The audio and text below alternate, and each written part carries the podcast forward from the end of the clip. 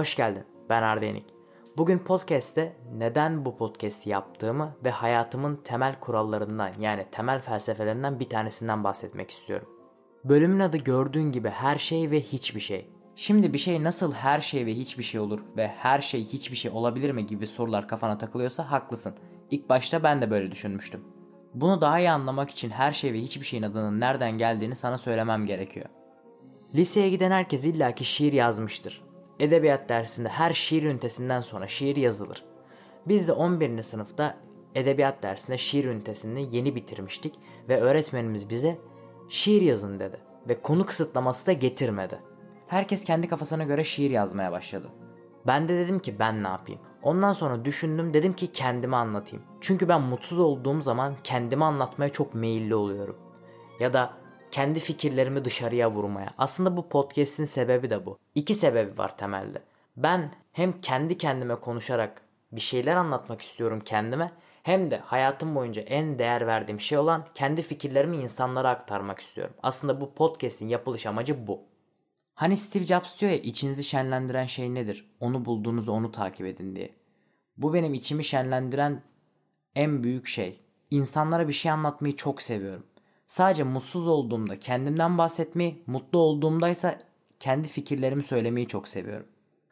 İşte bu yüzden ben de kendime yazmaya karar verdim. Hissettiklerimi yazmaya daha doğrusu. Yazdım, yazdım. Ama iç karartıcı bir şiir şimdi açık olmak gerekirse.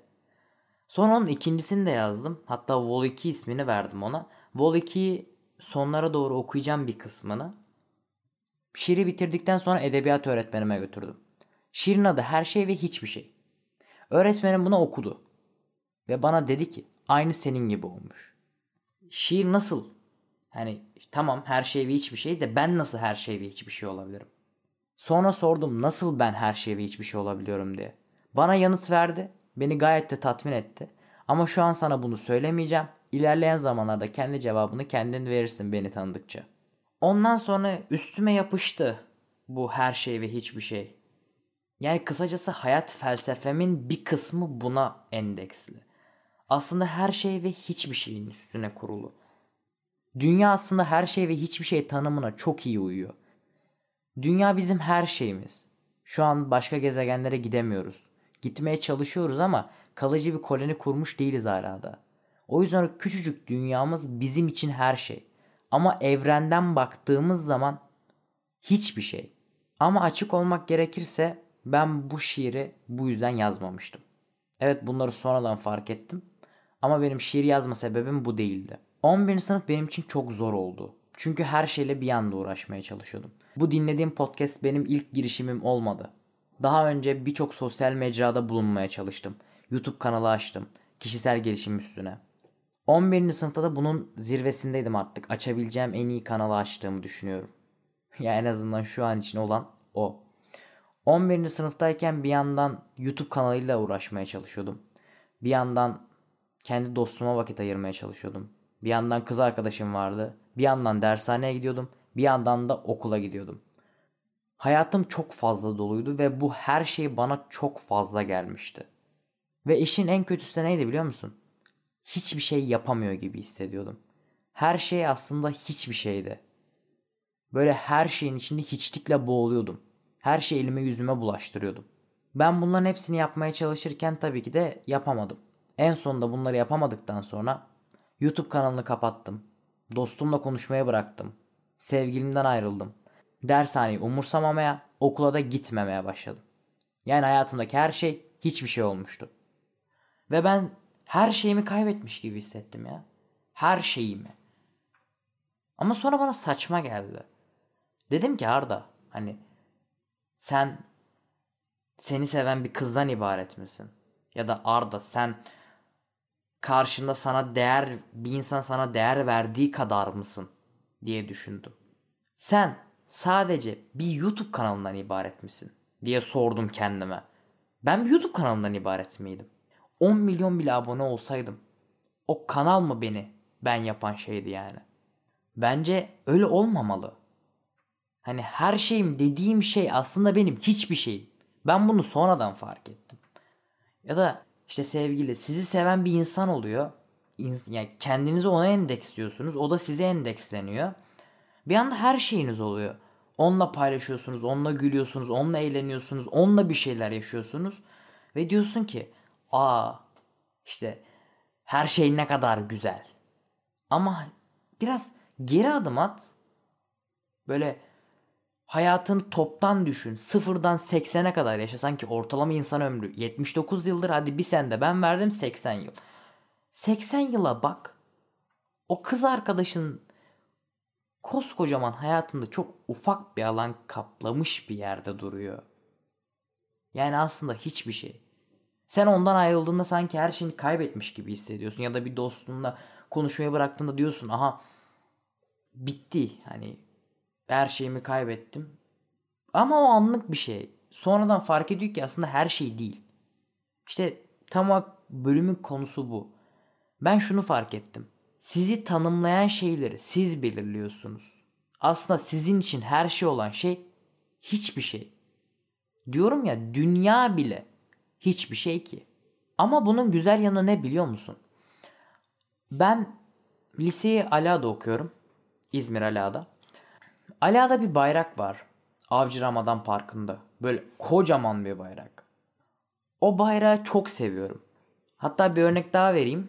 Bu sefer onun ilerisine gidelim biraz. Mavi Şehir'de Mavi Bahçe diye bir AVM var. Onun eğer deniz girişinden girdiğiniz zaman ki İzmir'de oturanlar anlayacaktır benim. Karşınıza Sine Maksimum yazısı çıkıyor. Böyle dört katlı bir AVM. Oradan bakınca AVM çok büyük geliyor gözünüze.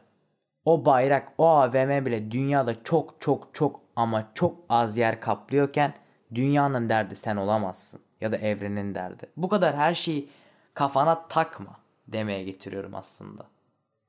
Normalde ben çok kontrolcü biriyimdir. Hani kendimi küçük hissetmeyi sevmem. Ha, büyük de görmemeye çalışırım ama kendimi küçük hissetmekten nefret ediyorum. Ama o bayrak bana içime bir ferahlama veriyor. Ya aslında olay ne biliyor musun?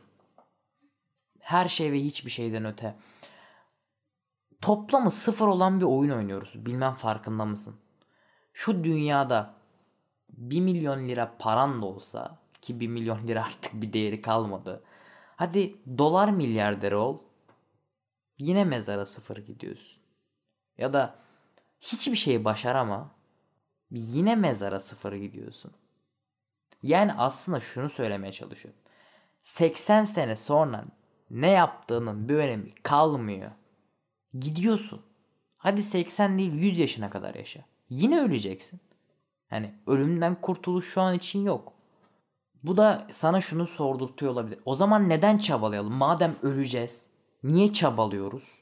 Şimdi bu çok negatif bir bakış açısı. Doğan Akkök diye bir YouTube kanalı var. Motivasyon videoları yapıyor kendisi. Orada bir videoda şey diyordu. Belki hayata sıfır geldik, sıfır gideceğiz ama arada birkaç toplama çıkarma yapmak isterim diyor. İşte bunları yapabilmek önemli olan. Yoksa herkes bir şekilde ölüyor zaten. Bundan kurtuluşumuz yok. Ben birkaç toplama çıkarma yapmak istediğim için aslında ölüm bir insana bahşedilmiş en iyi şey. Ölüm olmasaydı yaşamın bir değeri kalmazdı ki. İşte bu yüzden bir şeyler yapmak anlamlı hale gelmeli. Mesela ben bu bölümde bunu anlatmayacaktım ama anlatmak istiyorum. Ben bundan 200 sene öncesine kadar kız arkadaşı istemeyen biriydim. Yani sadece mantık odaklıydım. Duygusal zekam çok düşüktü.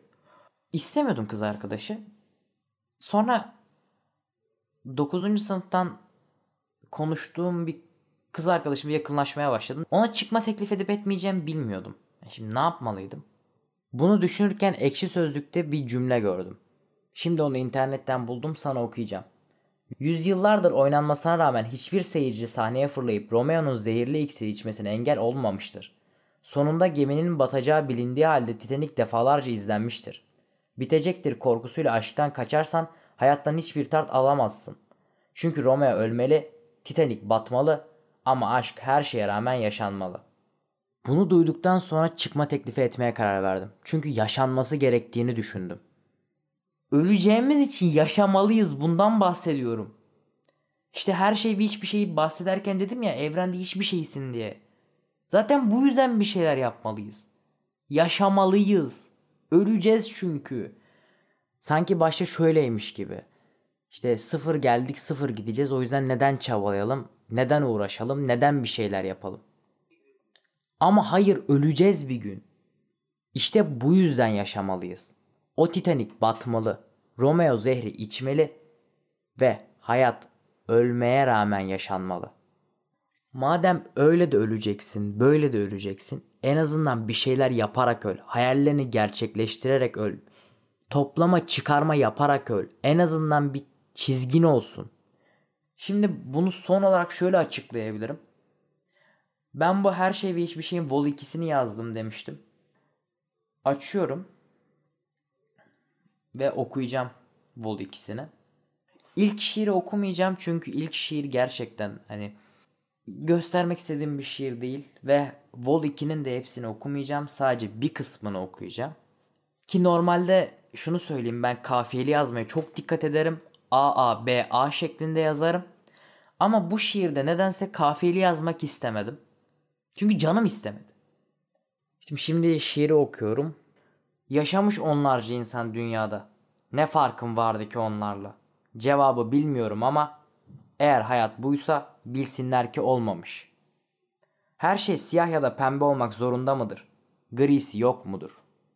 Şimdi siyah ya da pembe dememin sebebi simsiyah ve toz pembe olarak düşünmem ve o gün öyle yazmış olmam. Ondan sonra bir daha da değiştirmedim. Grisi yok mudur? Sanırım varsa da ben göremeyeceğim. Çünkü ben daha en basit şeyi becerememişim. İnsan önce kendini sevmeli derler. Sonra ne derse desin eller. Ama sen kendini sevmiyorsan hayat bir şekilde ananı beller. Çok iyi yazmamışım ya. Böyle olacaksa hiç olmasın mı demek lazım.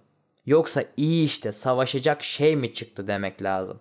Her şey yanıt veririm de bunu bir ömür durup düşünmek lazım. İşte böyle olacaksa hiç olmasın mı dememiz lazım. Yoksa iyi işte savaşacak şey mi çıktı dememiz lazım. Kararımı verdim. Bir şeyler için savaşmak istiyorum. Bir şeylerle uğraşmak istiyorum.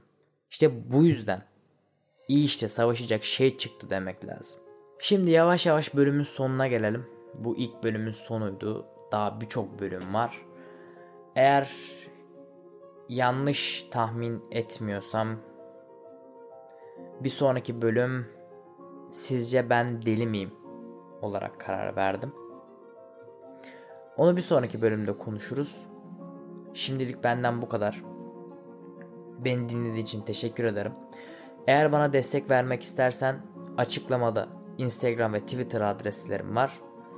Eğer maddi olarak da destek olmak istersen ekipman almama yardımcı olmak için Kreosus ve Patreon'dan bana destek olabilirsin. Tekrardan teşekkürler. Kendine iyi bak.